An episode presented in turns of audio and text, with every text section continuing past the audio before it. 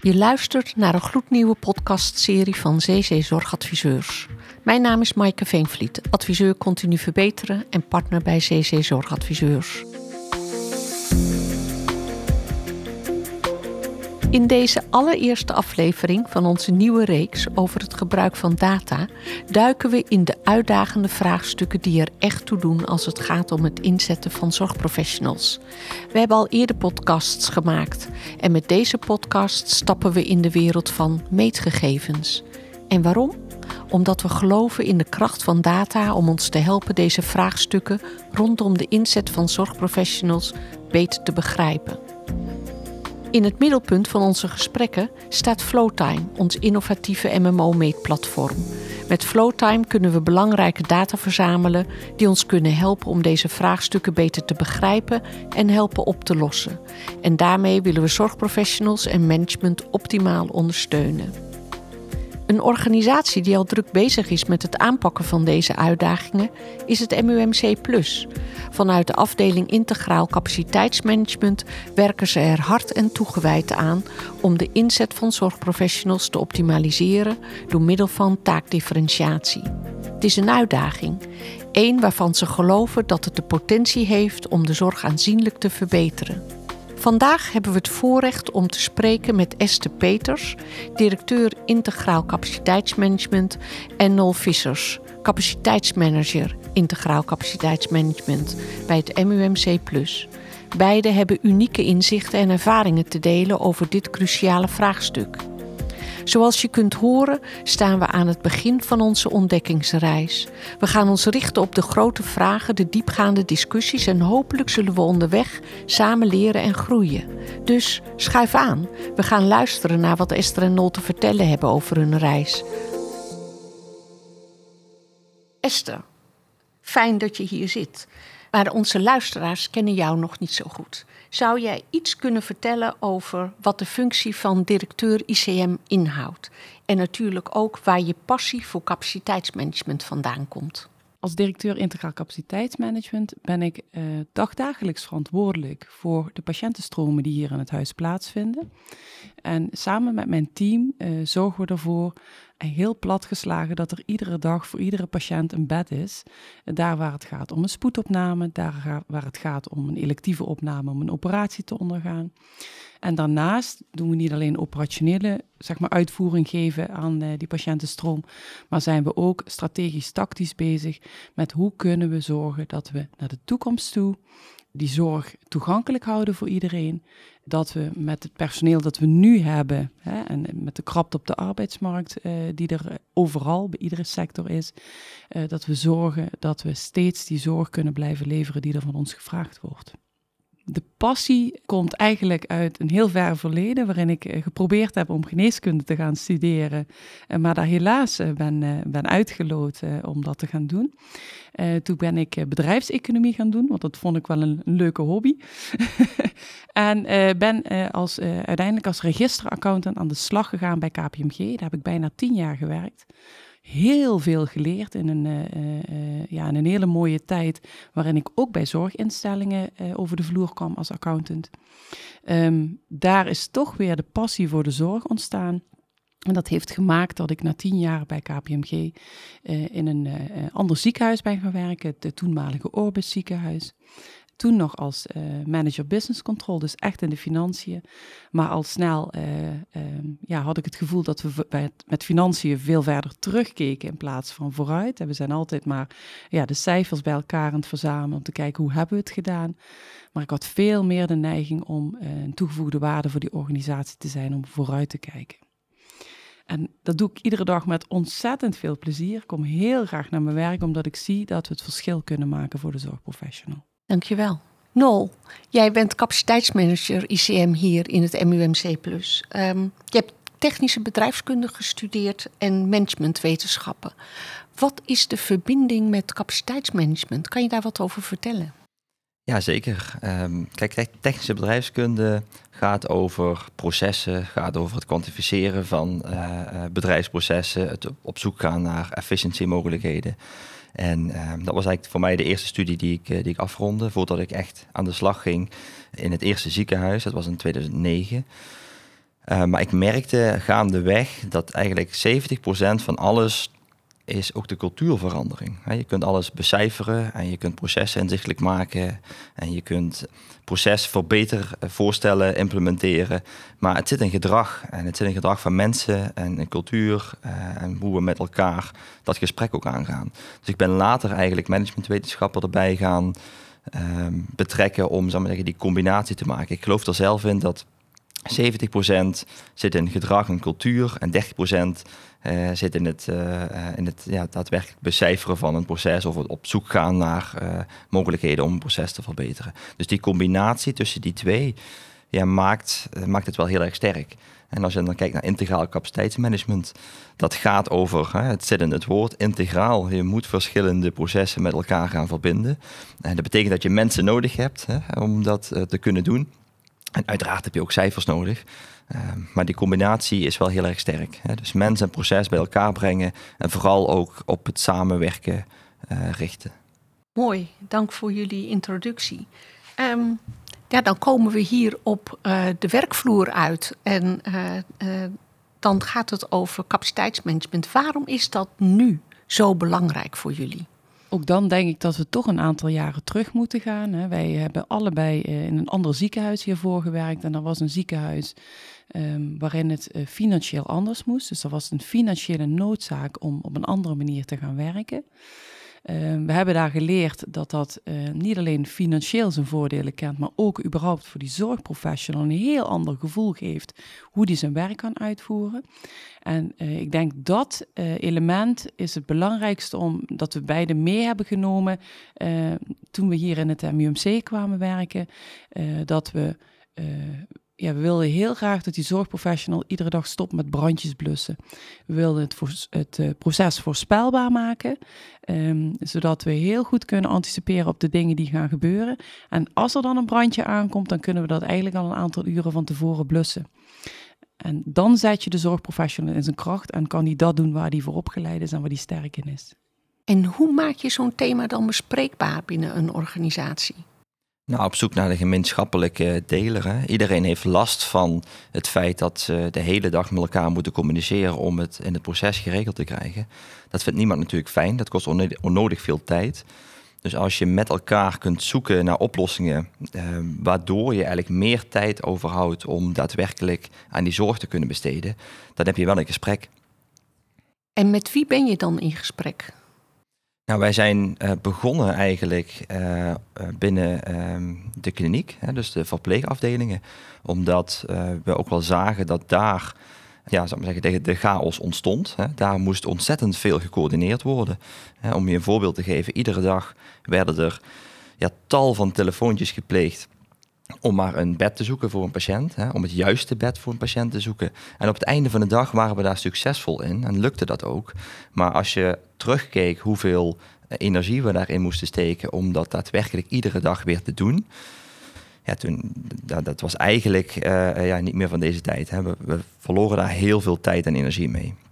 Dus we zijn begonnen op de verpleegafdelingen om uh, samen met hun te kijken naar hoe loopt dat proces en wat kunnen wij doen hè, met, uh, met de tools en ook de, kennis die we hebben vanuit het vakgebied om het voorspelbaarder te maken. En net zoals Esther zojuist ook al aangaf, hè, eigenlijk we hebben we de transitie gemaakt dat we van reactief naar proactief willen gaan. En wij willen vier tot zes uur van tevoren een knelpunt zien aankomen, zodat we al aan de slag kunnen gaan met de oplossing. Ja, en in het meest ideale geval heeft het proces niet eens door dat er een mogelijk knelpunt uh, dreigde. Dan zijn we succesvol. Misschien nog een aanvulling doen, want klopt helemaal wat, wat Nol zegt. Wij zijn in de COVID-tijd zijn we eigenlijk als een afdeling ontstaan. Um, ik was hier net van tevoren bezig om een plan te maken wat een afdeling integraal capaciteitsmanagement voor het ziekenhuis kon gaan betekenen. De planvorming voor een aantal jaren. Toen kwam COVID in ons leven. Toen hadden we meteen een issue op onze OK's, want ons OK-personeel moest naar de IC. Eh, om daar te helpen met die COVID-patiënten.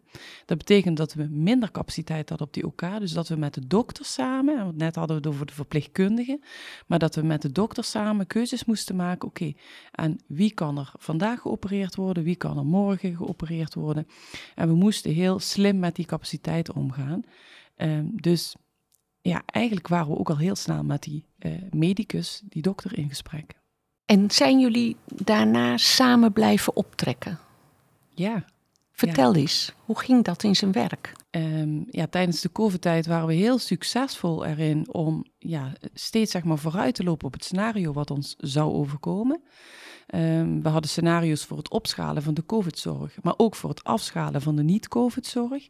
Uh, want hier kwamen nog altijd mensen binnen die hè, met uh, cardiale klachten binnenkwamen, of uh, anderzijds. En ook die moesten geholpen worden.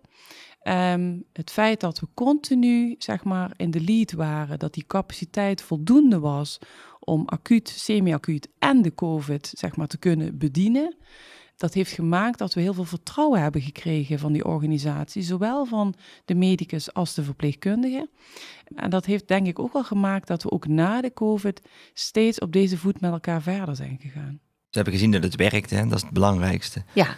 En dat geeft vertrouwen en ja, dat is een prima basis om op voor te beduren. Ja, dus jullie zijn vervolgens aan de slag gegaan om de verbinding te maken met die uh, afdelingen en na te denken over van hoe kunnen we nou met elkaar ervoor zorgen dat uh, veel meer vooruit gepland kan worden van hé, hey, daar, komt, daar gaat een patiënt weg, daar krijgen we ruimte, er kan iemand nieuw in. Had dat ook consequenties voor de inzet van de medewerkers? Nou, dat hangt één één met elkaar samen. Um, omdat we steeds beter in staat zijn om de verwachte patiëntaanwezigheid te voorspellen, kunnen we, kunnen we daar ook onze inzetbaarheid van medewerkers tegenover zetten. Om je een beeld te geven, wij voorspellen op dit moment onze spoedstroom met een zekerheid van ongeveer 92 procent. Uh, dat is ontzettend hoog. We weten ook dat de spoedstroom voorspelbaarder is dan ons electieve uh, uh, programma of planning. Um, dat is verwonderlijk op zich, hè, want een electieve planning maken we zelf, maar er zit best wel veel spreiding in. Um, maar goed, we weten wat er op het programma staat, wat we zelf gepland hebben. We weten voor 92% zekerheid wat ons tussen aanhalingstekens overkomt vanuit de spoed. Uh, dus daarmee hebben we alle gegevens om uh, zo goed mogelijk die patiëntaanwezigheid uh, te voorspellen. Als we dat weten, dan weten we ook hoeveel personeel we nodig hebben. Want ja, we willen ervoor zorgen dat dat afgestemd is op elkaar. Zodanig dat we niet te veel, maar zeker ook niet te weinig personeel inzetten. Nee, want voor, voor zorgprofessionals geldt vooral van dat als het onverwacht drukker is dan uh, ze dachten dat het zou zijn, dat dat onplezierig uh, werk uh, met absoluut, zich meebrengt. Absoluut. Ja. En eigenlijk dat onverwacht, ik vind het leuk dat je dat woord gebruikt.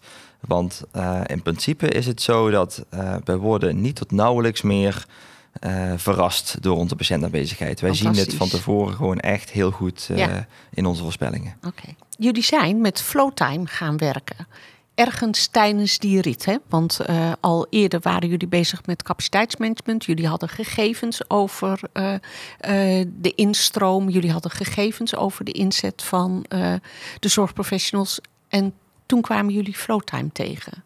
Ja, en Nol vertelde zojuist al, hè, we, kunnen heel goed voorspellen wat onze patiëntaanwezigheid is. En hoe mooi is het dan als je ook je personeelsaanwezigheid aan kan koppelen. Uh, dus we zijn een traject gestart en uh, dat traject dat heet Evidence-Based Staffing. Hoeveel um, handjes, maar dan ook echt professionele handjes heb ik nodig aan dat bed. En dat klinkt heel oneerbiedig, zo bedoel ik dat zeker niet. Maar hoeveel capaciteit van die zorgprofessional heb je nodig om die zorgzwaarte op die verpleegafdeling, want dat kan verschillen per verpleegafdeling, om daaraan te voldoen? En um, toen kwamen we meteen in een spagaat. Want uh, dat programma Evidence-Based Staffing, dat ging alleen maar uit van verpleegkundige bezetting. En in de COVID-tijd hadden we geleerd dat we niet alleen met verpleegkundigen konden werken, maar ook met andere zorgprofessionals. dat kan bijvoorbeeld een verzorgende zijn of een helpende, maar ook een zorgassistent. dus dat zijn mensen die ook op een verpleegafdeling kunnen werken, maar ook andere taken kunnen doen dan alleen de verpleegkundige werkzaamheden. En daarvoor zag in eerste instantie dat evidence-based staffing, dat die module die we daarin liepen, dat programma, die verzag daar niet in. En toen zijn we op zoek gegaan van hoe kunnen we nou zorgen dat we een onderscheid maken tussen de taken die een verpleegkundige doet en taken die door een andere zorgprofessional kunnen worden uitgevoerd. En toen kwamen we ja, eigenlijk op de weg van flowtime. Want toen dachten we, we moeten inzichtelijk maken uh, welke taken die verpleegkundige nu doet, hoeveel tijd is ze daaraan kwijt en welke van die taken zouden ook door andere zorgprofessionals kunnen worden gedaan. Ik denk dat die taakdifferentiatie, als ik daarop maar inhaak, hè, dat dat een hele belangrijke uh, manier is om het grote tekort, hè, wat er uh, nu is, maar zeker ook in de komende jaren nog verder gaat ontstaan. Ik wil niet zeggen dat het gaat oplossen, maar om daar wel uh, met elkaar aan te kunnen werken. Als je nu ziet, volgens mij uh, zijn de cijfers op dit moment werkt uh, 1 op de 7 mensen in de zorg. Als je dat doortrekt naar 2040, dan zou 1 op de 4 mensen in de zorg moeten gaan werken om die groeiende zorgvraag aan te kunnen. Nou, we weten dat, we, dat het op die manier, dat we daar niet de capaciteit voor gaan hebben. Dus dat betekent dat we veel slimmer moeten gaan kijken, hoe doen we het nu? En ja, begrijp me niet verkeerd, het zal echt niet eh, dat hele zorgprobleem kunnen oplossen. Maar ja, we moeten wel met elkaar zoeken naar alle knopjes die we ja, hebben om aan te draaien. En die taakdifferentiatie, daar zien we gewoon dat er echt nog wel uh, tussen aanhalingstekens winst te behalen is in tijd. Hè? Ja. En zodat, zodanig dat je de mensen, of de verpleegkundigen, of de verzorgende IG'ers, of de helpende, maakt niet uit, maar dat je iedereen in zijn kracht kan zetten daar waar ze daadwerkelijk ook nodig zijn. Dus het effect van het werken met taakdifferentiatie is dat er een grotere diversiteit in de samenstelling van het team op de verpleegafdeling ontstaat. En dat al die medewerkers elkaar nodig hebben om het uiteindelijk goed voor elkaar te krijgen.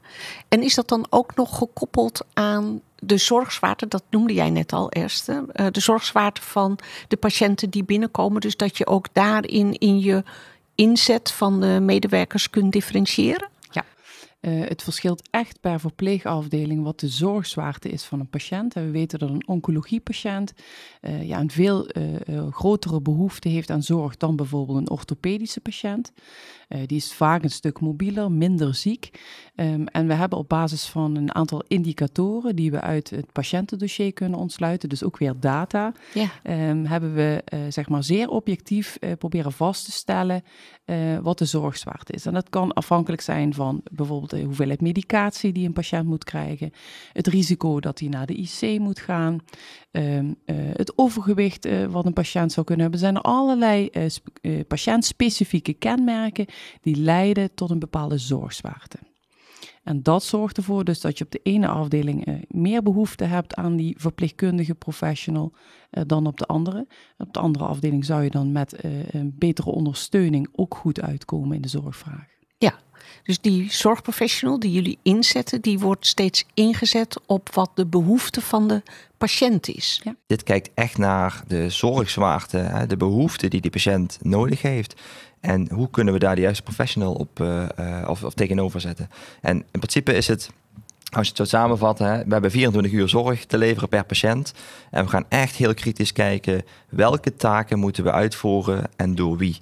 En als we zien dat dat taken uh, zijn die niet specifiek door een verpleegkundige uitgevoerd hoeven te worden, nou, dan gaan we kijken of, of iemand anders die kan uitvoeren. Dan hebben jullie die metingen gedaan. Wat, wat levert dat nou op? Ontzettend veel inzicht. Ja? ja. Uh, nou ja, in eerste instantie, een van de doelstellingen was, waar is die verpleegkundige nu mee bezig? Hè? We hebben uh, verschillende profielen gemeten op die afdeling. Hè? Dus niet alleen de verpleegkundige, maar ook uh, de verzorgende, ehm, de unitleider. welke taken eh, doet hij of zij de hele dag? Hè? We hebben metingen uitgevoerd waarbij een zorgprofessional de hele dag, eigenlijk iedere, of een hele dienst, iedere minuut wordt gemeten. En uh, dat soort inzichten geeft je meteen tools in handen om te zeggen, nou, uh, die verpleegkundige die is uh, anderhalf uur per dag bezig met het halen van materialen, het schoonmaken van zaken. En dat soort inzichten kun je meteen ombuigen naar een stuk taakdifferentiatie. Ik neem aan dat jullie de uitkomsten van die metingen ook bespreken met de verpleegkundigen. Uiteraard. En wat zeggen die daarover? Zijn die verbaasd of denken die van, ja, dat heb ik altijd al gezegd. Of wat is hun reactie? Nou, het, het, grappige is dat je wellicht vooraf zou denken, als je hoort dat ze iedere minuut op activiteitsniveau gemeten worden, dat je denkt van nou, hè, eh, we zijn wellicht wel kritisch of moet dat uh, nu een hele dag of iedere minuut? Uh, dat, dat was een beetje ons vooroordeel, hè, van ja. ja. we gaan wel heel dicht op dat proces zitten. Maar het tegendeel is waar. Hè. Ze zijn blij met het inzicht wat eruit komt. Het is een beeld wat ze herkennen. En het geeft hun ook een keer inzicht en, en data over, ja, dit is mijn dag inderdaad, ik ben anderhalf uur per dag bezig met het halen, brengen van materialen of het, het, het, uh, vervangen van bedlinnen of het schoonmaken van, uh, van prullenbakken of noem maar op. het geeft een stuk erkenning. we doen dit heel bewust ook echt met het team terugkoppelen. Dus iedereen die gemeten wordt, die krijgt ook een terugkoppeling, zodanig dat ze ook ja, feedback krijgen. Het is niet de bedoeling om iets te meten in de tool te laten landen en daarna ermee aan de slag te gaan. Nee, het is hun proces. Uh, zij zijn gevolgd. Uh, en als ze het niet herkennen, ja, dan, dan willen we dat ook weten. Ja. Uh, want dan blijkbaar hebben we dan ergens elkaar gemist. Nou, dan moeten we het daarover hebben. En wat missen we dan? We hebben afdelingen die in de COVID-tijd al heel gericht aan taakdifferentiatie zijn gaan werken. Dus dat zijn eigenlijk een beetje de voorlopers in de mhm. organisatie. En je merkt ook wel dat daar waar afdelingen nog minder te maken hebben met taakdifferentiatie, uh, met elkaar in gesprek gaan van, goh, hoe hebben jullie dat dan georganiseerd en welke taken heb je verschoven naar die andere zorgprofessional? Dus daarin zoeken ze elkaar ook wel actief op. Oké, dus het effect ervan is dat ze met elkaar het gesprek voeren over hoe zijn de taken eigenlijk verdeeld. En vinden we nou dat dat past? Hè? Past het bij uh, de zorgprofessional die je bent? Zie je aanknopingspunten om het anders te organiseren? Daar laat je hen het gesprek over voeren. En dan komt er een voorstel uit. En dat gaan ze dan toepassen in de praktijk. Begeleiden jullie hen daarbij?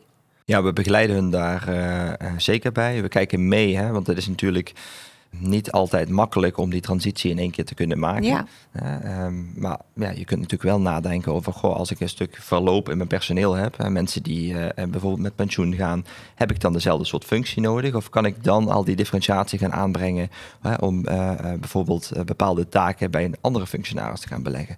En dus we kijken wel ook ja, over de de toekomstbeelden eh, zijn we met hun in gesprek. Hoe kun je er nou ervoor zorgen dat je afdeling die transitie kan maken de komende jaren om zoveel mogelijk taakdifferentiatie door te voeren. Het is natuurlijk niet een knopje wat je indrukt en wat morgen geregeld is. Nee, nee. Als het zo eenvoudig was, uh, ja, hè, ja, dan, dan uh, het allemaal al lang gedaan. zo, is het, zo is het.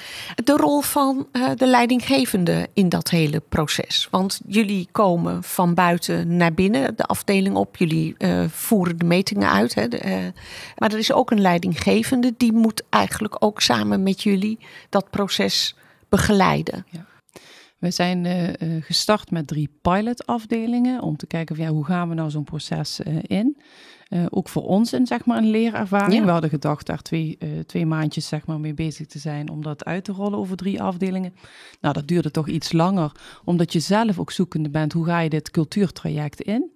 Die leidinggevenden die hebben ons eigenlijk gevraagd bijna of we dit traject bij hen op de afdeling wilden doen.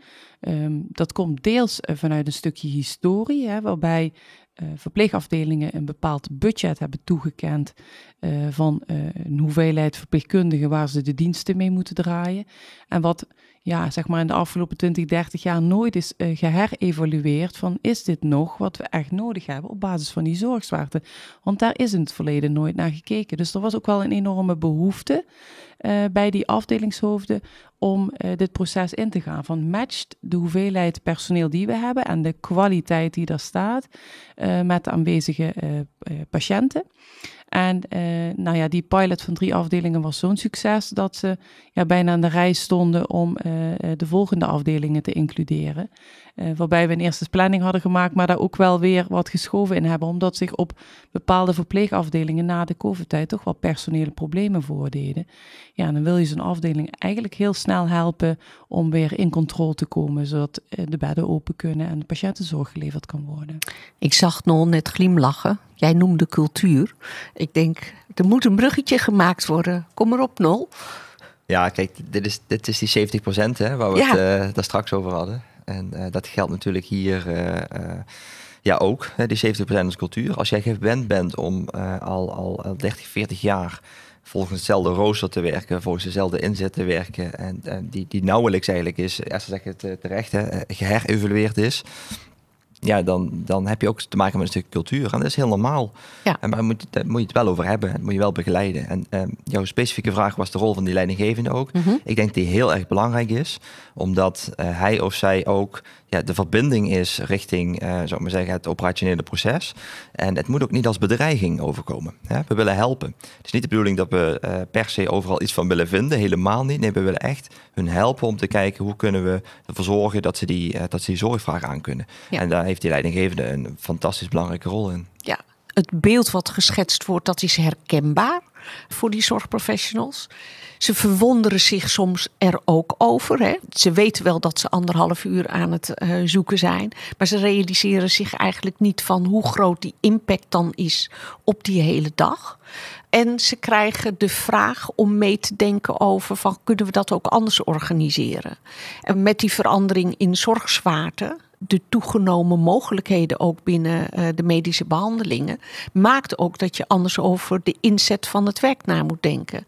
En daar kiezen jullie voor taakdifferentiatie. Misschien als toevoeging, Maaike, de COVID-tijd heeft ons daar echt bij geholpen. We hebben heel veel verpleegafdelingen in huis gehad die tijdens de COVID-periode een moment wel COVID-afdeling waren. Ja, En toen hebben ze geleerd dat je bepaalde taken ook uit handen kan geven. Hè, die eh, verpleegkundigen die waren vaak met eh, eh, ja, de hele beschermingsmaterialen aan op zo'n kamer, moesten materialen aangegeven krijgen. Nou, hoe handig is het dan als er een verzorgende op die gang loopt om continu te voorzien in die behoeften van die die op die kamer aan het werk is, zonder dat zij zich, zij of zij zich iedere keer moest omkleden, hè, eh, eh, zeg maar alles moest desinfecteren, die gang op moest gaan om die spullen te pakken. En dat is denk ik de eerste aanzet geweest dat ze zich realiseerden, hey, we kunnen het ook op een andere manier organiseren. en dat gaat ook over wederzijdse afhankelijkheid. Je hebt elkaar echt nodig in zo'n eh, transitie, in zo'n overgangsfase. Ja. Is het voor zorgprofessionals soms ook lastig om te denken van eh, eh, ik, nu moet ik dit aan een ander overlaten of ik krijg er nu iets bij. Hè, want eh, ik denk het is weggeven en ontvangen. Hè, dat moet alle twee gebeuren. Ja, ik denk dat je dan toch weer bij dat cultuuraspect komt. En eh Nol gaf het naar de laan. Als jij al 15 of 20 jaar op dezelfde manier werkt, dan is het wel heel, ehm, ja, misschien wel soms moeilijk om taken los te laten en vertrouwen hebben dat die andere zorgprofessional naast je die taak ook kan uitvoeren. Ehm, dus ik denk dat het een gewenningsproces is, een accep- acceptatieproces. Ehm, wij hopen daarmee eh, iedere zorgprofessional zijn kracht te zetten. Hè, want eh, die verzorgende die niet verpleegkundig is, die wil misschien op termijn wel verpleegkundige worden. Maar die voelt zich enorm erkend als nu al bepaalde taken naar zich toe komen. Wij hopen daarmee die verpleegkundige ook in eh, zijn of haar kracht te zetten. Dat ze wel dat momentje met die patiënt hebben. Waarin ze ook zeg maar een soort ja, psychosociale ondersteuning zijn voor die patiënt. Waar nu soms geen tijd voor is. Ja, Als je hem omdraait, nu is het ook lastig. Hè? Nu hebben ze wellicht wel een dag waarbij ze op het einde van de dag naar huis gaan en denken, nou ik heb niet alles afgekregen of niet alles kunnen doen wat ik eigenlijk zou willen doen voor die patiënt. Dus niks doen is ook geen optie. Hè? Dat, Nee, Nee. nee, nee, zeker niet. Nee.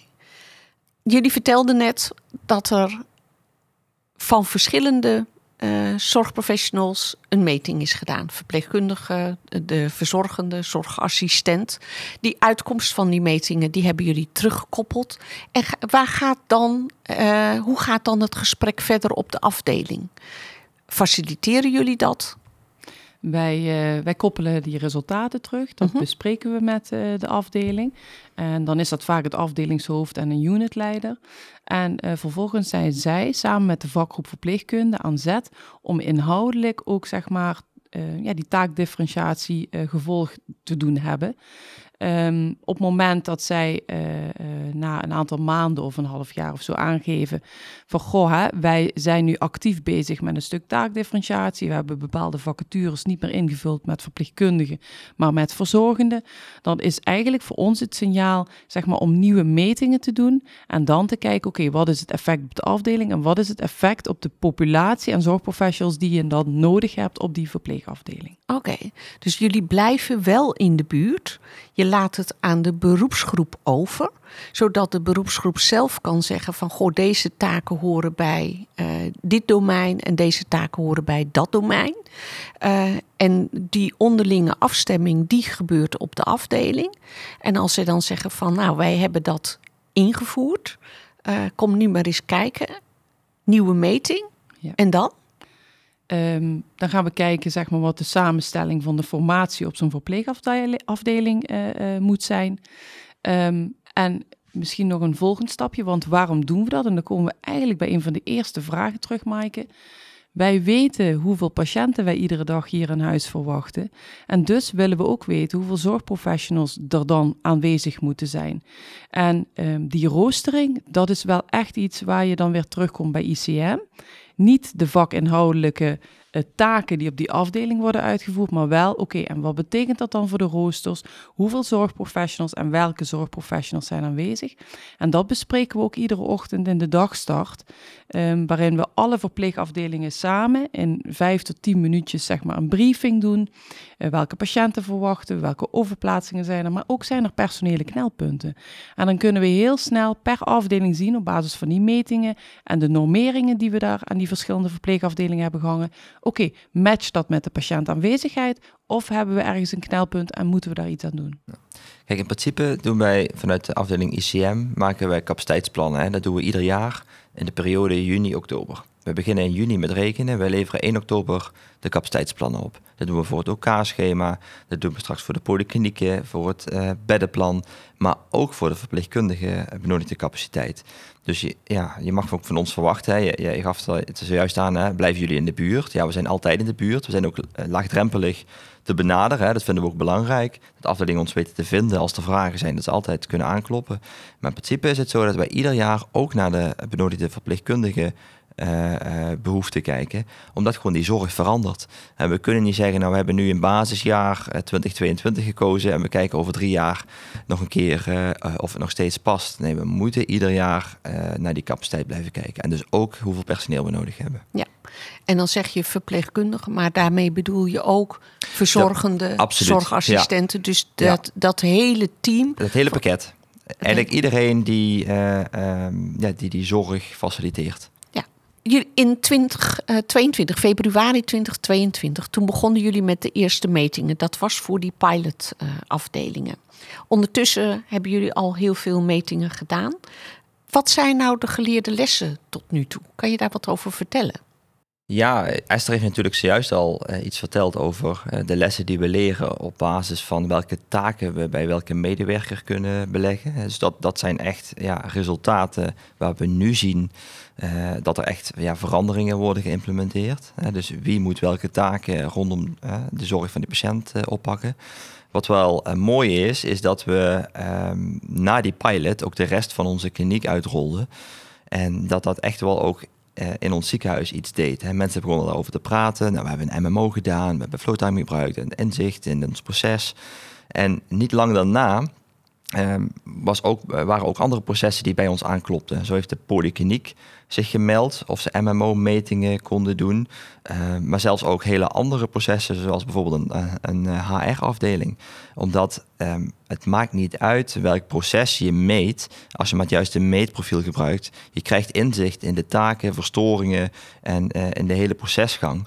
En dat, dat, is voor ieder proces natuurlijk waardevolle informatie. Of je nu uh, primair op de afdeling werkt of uh, op een andere afdeling of helemaal niet primair in de zorg werkzaam bent.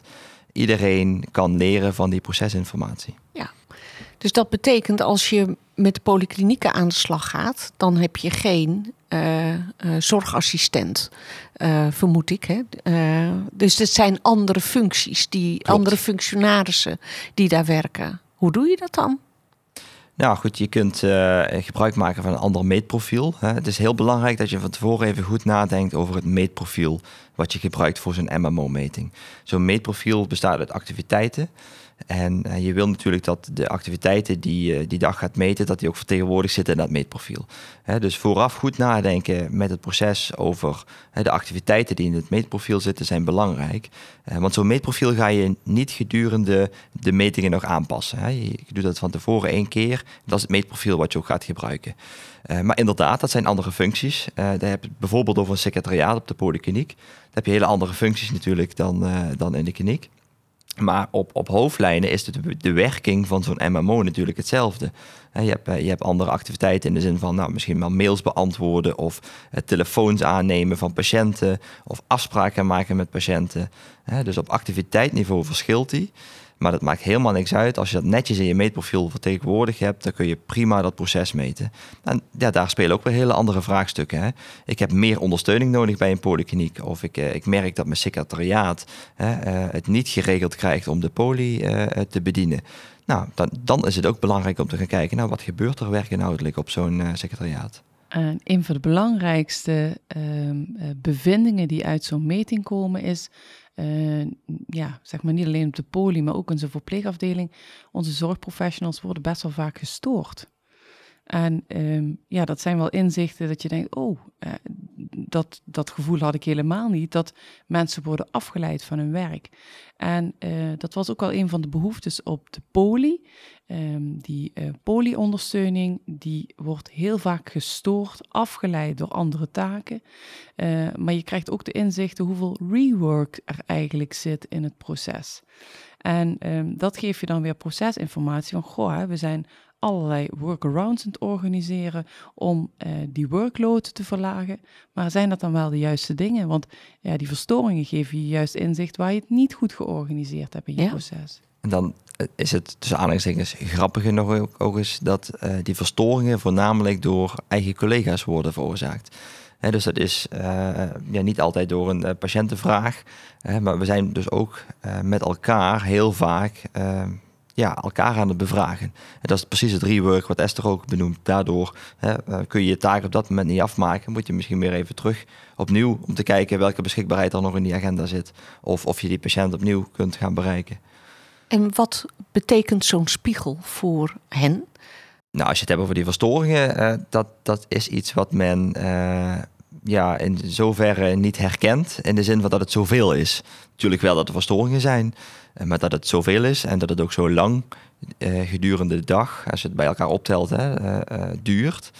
dat geeft wel heel veel inzicht. want de volgende keer dat je iets gaat vragen of een collega nodig hebt, dan bundel je misschien wel een aantal vragen. Hè, dat je maar één keer hoeft in te breken in het proces. Ja. Dat is ook een stukje bewustwording. Ja, precies. En in het proces zelf, hè, daar waar we workarounds hebben georganiseerd, uh, zie je vaak, ik noem maar een voorbeeld, we hebben een belboom georganiseerd, dat wanneer een patiënt belt, dat die uh, in allerlei takken terecht kan komen. Maar uiteindelijk blijkt dus dat die patiënt in 9 van de 10 gevallen bij de verkeerde tak uitkomt.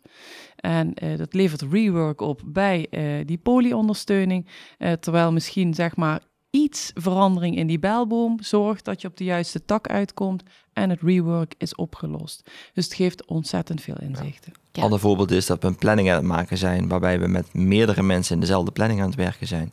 Oh en misschien zijn we wel met hetzelfde slot bezig, alleen weten we het niet van elkaar. Dus dat soort inzichten haal je echt uit zo'n meting. Uh, wat natuurlijk waardevolle informatie is. Omdat ja, het kan best zo zijn dat mijn slot uh, vergeven is. Als jij eerder op het knopje drukt, dan uh, kan ik een nieuw slot gaan zoeken. Ja, ja. Die meting op zich geeft inzicht. Hè? Dat laat zien hoe het proces werkt. En dan in één keer uh, gebeurt wat met die zorgprofessionals die denken van... goh, hé, hey, dat kan toch eigenlijk anders? Dit is ontzettend jammer dat we dat uh, zo doen. Soms moet je ook ergens afscheid van uh, nemen. Hè? Want dat speelt soms ook een rol. Maar uiteindelijk wordt het er beter van. Dus er eh, ontstaan verbetertrajectjes op een afdeling om ervoor te zorgen van dat het werk veel meer gestroomlijnd wordt, dat er een mooiere flow ontstaat. Ja. Klopt. En is daar ook sprake van taakdifferentiatie op de polykliniek? Dat staat nog in de kinderschoenen, maar dat is natuurlijk wel iets waar we graag naartoe willen. Uh, want een uh, secretariële functie voert andere taken uit en kan ook andere taken uitvoeren dan een doktersassistente. Maar je wil wel bijvoorbeeld die doktersassistente die ook medische handelingen kan verrichten in uh, zijn of haar kracht zetten. Om te zorgen dat we ook daar de zorgprofessional aan de juiste taken toebedelen. Ja, als zo'n functie veel meer aan de administratieve kant zit, dan wil je eigenlijk kijken van kunnen we daar de taken herverdelen op een goede manier, zodat die schaarste uh, op, die ja, medi daar, op dat ja. medische stuk. Daar waar de doktersassistenten heel uh, moeilijk te, uh, te krijgen is in de markt, ja. is het misschien gemakkelijker om een secretariële functie in te vullen. En dat is dan ook een aantrekkelijke functie. Absoluut. Ja. En zelfs bundelen van activiteiten. We hebben het nu over een polykliniek uh, op zichzelf. Uh, maar misschien kun je ook wel bepaalde administratieve taken bundelen over meerdere specialismen. Daar zijn we nu ook over nadenken. Ja. De, de relatief uh, eenvoudigere uh, telefonische afhandelingen, hè, dus een bevestiging van een afspraak, mm -hmm. ja, die kun je misschien wel bundelen. Hè, waarbij je zegt van nou, ik, ik ga een soort van centrale regie pakken, waardoor dat eigenlijk alleen maar de telefoontjes die vakinhoudelijk bij die poli terecht moeten komen, dat die bij die poli terechtkomen. Ja, dus een heel klein draadje opgepakt, heel klein beetje schudden, word je een beetje wakker hè? en dan ontstaan er inzichten en dan kom je tot soms een hele nieuwe manier van organiseren. Ja. En um, op het moment dat je dat weet te centraliseren, kun je met die meting ook kijken, oké, okay, hoeveel tijd waren we kwijt aan die taken die we nu gaan centraliseren. Dus dat betekent ook dat je een goed inzicht krijgt in ja, hoeveel FTE zorgprofessional heb ik dan nu nodig voor die taken die overblijven. Ja, Uh, waar de metingen ook in helpen is, op het moment dat je dus uh, taken gaat centraliseren, dan heb je vanuit de metingen eigenlijk een heel goed beeld in hoeveel uren uh, was die medewerker nu bezig met die taken. En dat betekent dat je een goede inschatting kan maken, ja, hoeveel uren blijven er dan over of hoeveel uren worden er overgeheveld naar dat centraal gedeelte. En dat geeft je een beeld hoeveel FTE heb ik nu nodig voor die werkzaamheden om die uit te voeren. Jij noemde net, Nol, al dat er ook andere afdelingen uh, belangstelling hebben getoond voor uh, de Flowtime MMO-meting. Uh, hoe gaat dat dan in zijn werk? Hoe komt dat dat ze daar enthousiast over worden? Of nieuwsgierig zijn misschien? Ja, ik denk dat het met nieuwsgierigheid begint. Ja. En dat het enthousiasme volgt als ze zien ja, hoe die meting tot stand komt en wat eruit komt. Het is echt mond-op-mond -mond reclame. Je ziet dat uh, afdelingen natuurlijk met elkaar praten, uh, komen elkaar tegen, uh, vertellen over dat ze een MMO-meting hebben gedaan, wat de resultaten zijn en hoeveel inzicht ze hebben gekregen in hun eigen proces. Um, en doordat ze daar met elkaar zo over in gesprek gaan, gaan mensen toch ook over hun eigen proces nadenken kan ik ook zo'n meting doen op mijn afdeling? Hey, ik heb ook een uh, personeel uh, vraagstuk liggen. Misschien is dit wel een, een, een, manier om wat meer inzicht te krijgen in mijn eigen proces en andere oplossingen uh, of andere oplossingsrichtingen te verkennen dan ja, meer personeel. Want ja, we zoeken allemaal naar meer personeel. Alleen ja, we zitten op een arbeidsmarkt waar, waar dat gewoon extreem lastig is. Dus wat kunnen we zelf nog organiseren in het eigen proces? Dus het is echt mond-op-mond -mond reclame wat mensen nieuwsgierig maakt en ook doet aankloppen bij ja, bij onze afdeling van goh, kunnen wij ook een MMO-meting starten. Uh, wat je zag toen we de verpleegafdelingen waren aan het meten, uh, daar zijn natuurlijk altijd eh, HR-medewerkers bij betrokken. Want je gaat uh, taakdifferentiatie doen. Dus dat betekent dat die vacature van verpleegkundige uh, misschien wordt ingevuld door anderhalve FTE uh, verzorgende. nou, die HR-adviseur die denkt, hé, hey, wat gebeurt hier? En zo is dat balletje eigenlijk aan het rollen gekomen van, ja, wij hebben ook heel veel decentrale HR-medewerkers. We willen meer taken centraliseren. Welke taken gaan we dan centraliseren? Hoeveel tijd kost dat? Dus op die manier, zeg maar, zijn zij in aanraking gekomen ja, met uh, de tooling. En helpt het hun ook bij procesinzichten en ja, welke stappen kunnen we daarin zetten. Ja, ja jullie vertellen daar nu over. Weet dat in de volgende podcasts we in ieder geval ook met mensen van de HR-afdeling en de zorgprofessionals van de kliniek en polykliniek in gesprek gaan. Dus we gaan ook hen vragen om hun ervaringen met ons te delen. Als we nou eens een uh, stapje naar voren zetten, we kijken naar de toekomst. Uh, hoe zien jullie nou de toekomst van capaciteitsmanagement en het gebruik van de tools, bijvoorbeeld zoals Flowtime? Uh, kan je daar wat over vertellen? Ja, wat je merkt uh, de afgelopen nou ja, drie, vier jaar, is dat we heel veel data nodig hebben om keuzes en stappen te kunnen zetten naar de toekomst. Uh, data maakt zaken objectief. En waar we vandaan komen in zorgland is toch wel vaak dat onderbuikgevoel. Um, ja, op basis van onderbuikgevoel besluiten nemen. En uh, we hebben gemerkt dat je uh, door met data aan de slag te gaan, daarover met elkaar te praten, die inzichten te verschaffen, um, dat het makkelijker is om het gesprek aan te gaan met elkaar. Je objectiveert zaken, je blijft weg bij die gevoelens, je blijft weg bij de emotie. Uh, dat maakt het heel sterk om processen um, beter te organiseren. Um, en uh, zoals Nol al zei, uh, om die zorgprofessional te ondersteunen en niet om hem of haar te bekritiseren, helemaal niet. Wij zijn er om hem te faciliteren daarin. Um, ik denk door uh, nog verder aan de slag te gaan met data en allerlei toolings die ons daar in staat stellen om mooie nieuwe inzichten te creëren. En ook bijvoorbeeld uh, bepaalde data aan elkaar te koppelen die we nieuwe inzichten geven. Uh, ja, dat we gewoon het optimale uit de zorg kunnen halen. Uit de capaciteit die we hebben, om die zo optimaal mogelijk te gaan benutten.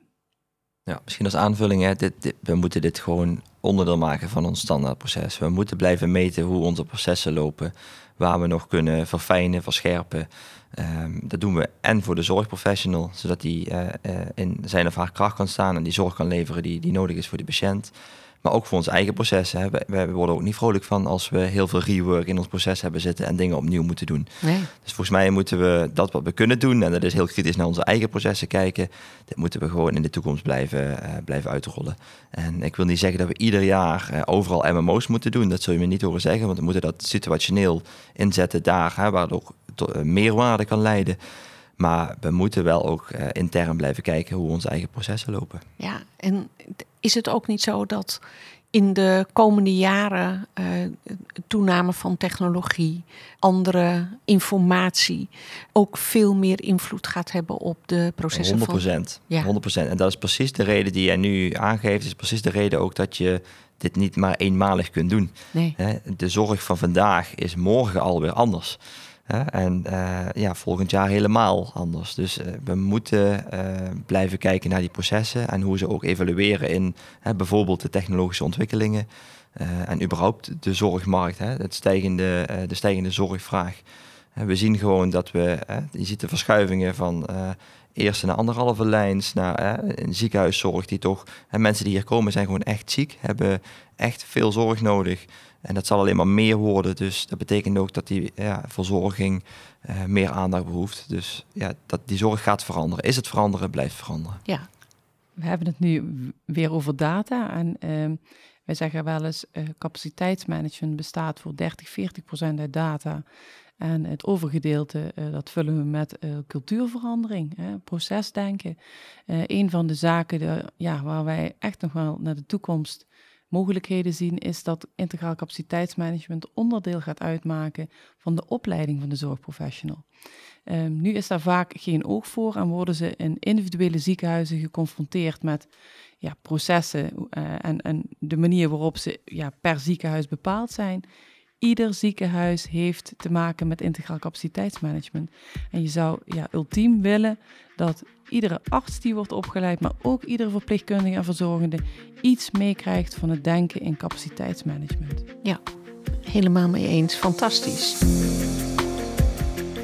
Ongetwijfeld bieden deze inzichten en ervaringen uit de praktijk stof tot nadenken voor velen van ons in de zorgsector. En hopelijk inspireert het ons om nieuwe en innovatieve manieren te ontdekken om met deze uitdagingen om te gaan. Esther en Nol, het was een waar genoegen om jullie ervaringen en visies te horen.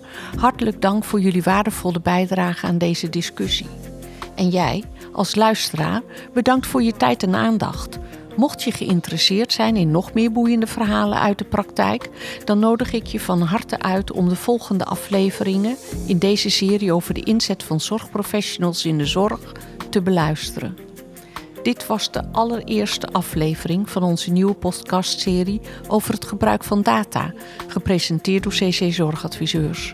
Blijf bij ons voor meer interessante gesprekken en waardevolle inzichten in de toekomende afleveringen. Dank je wel voor het luisteren.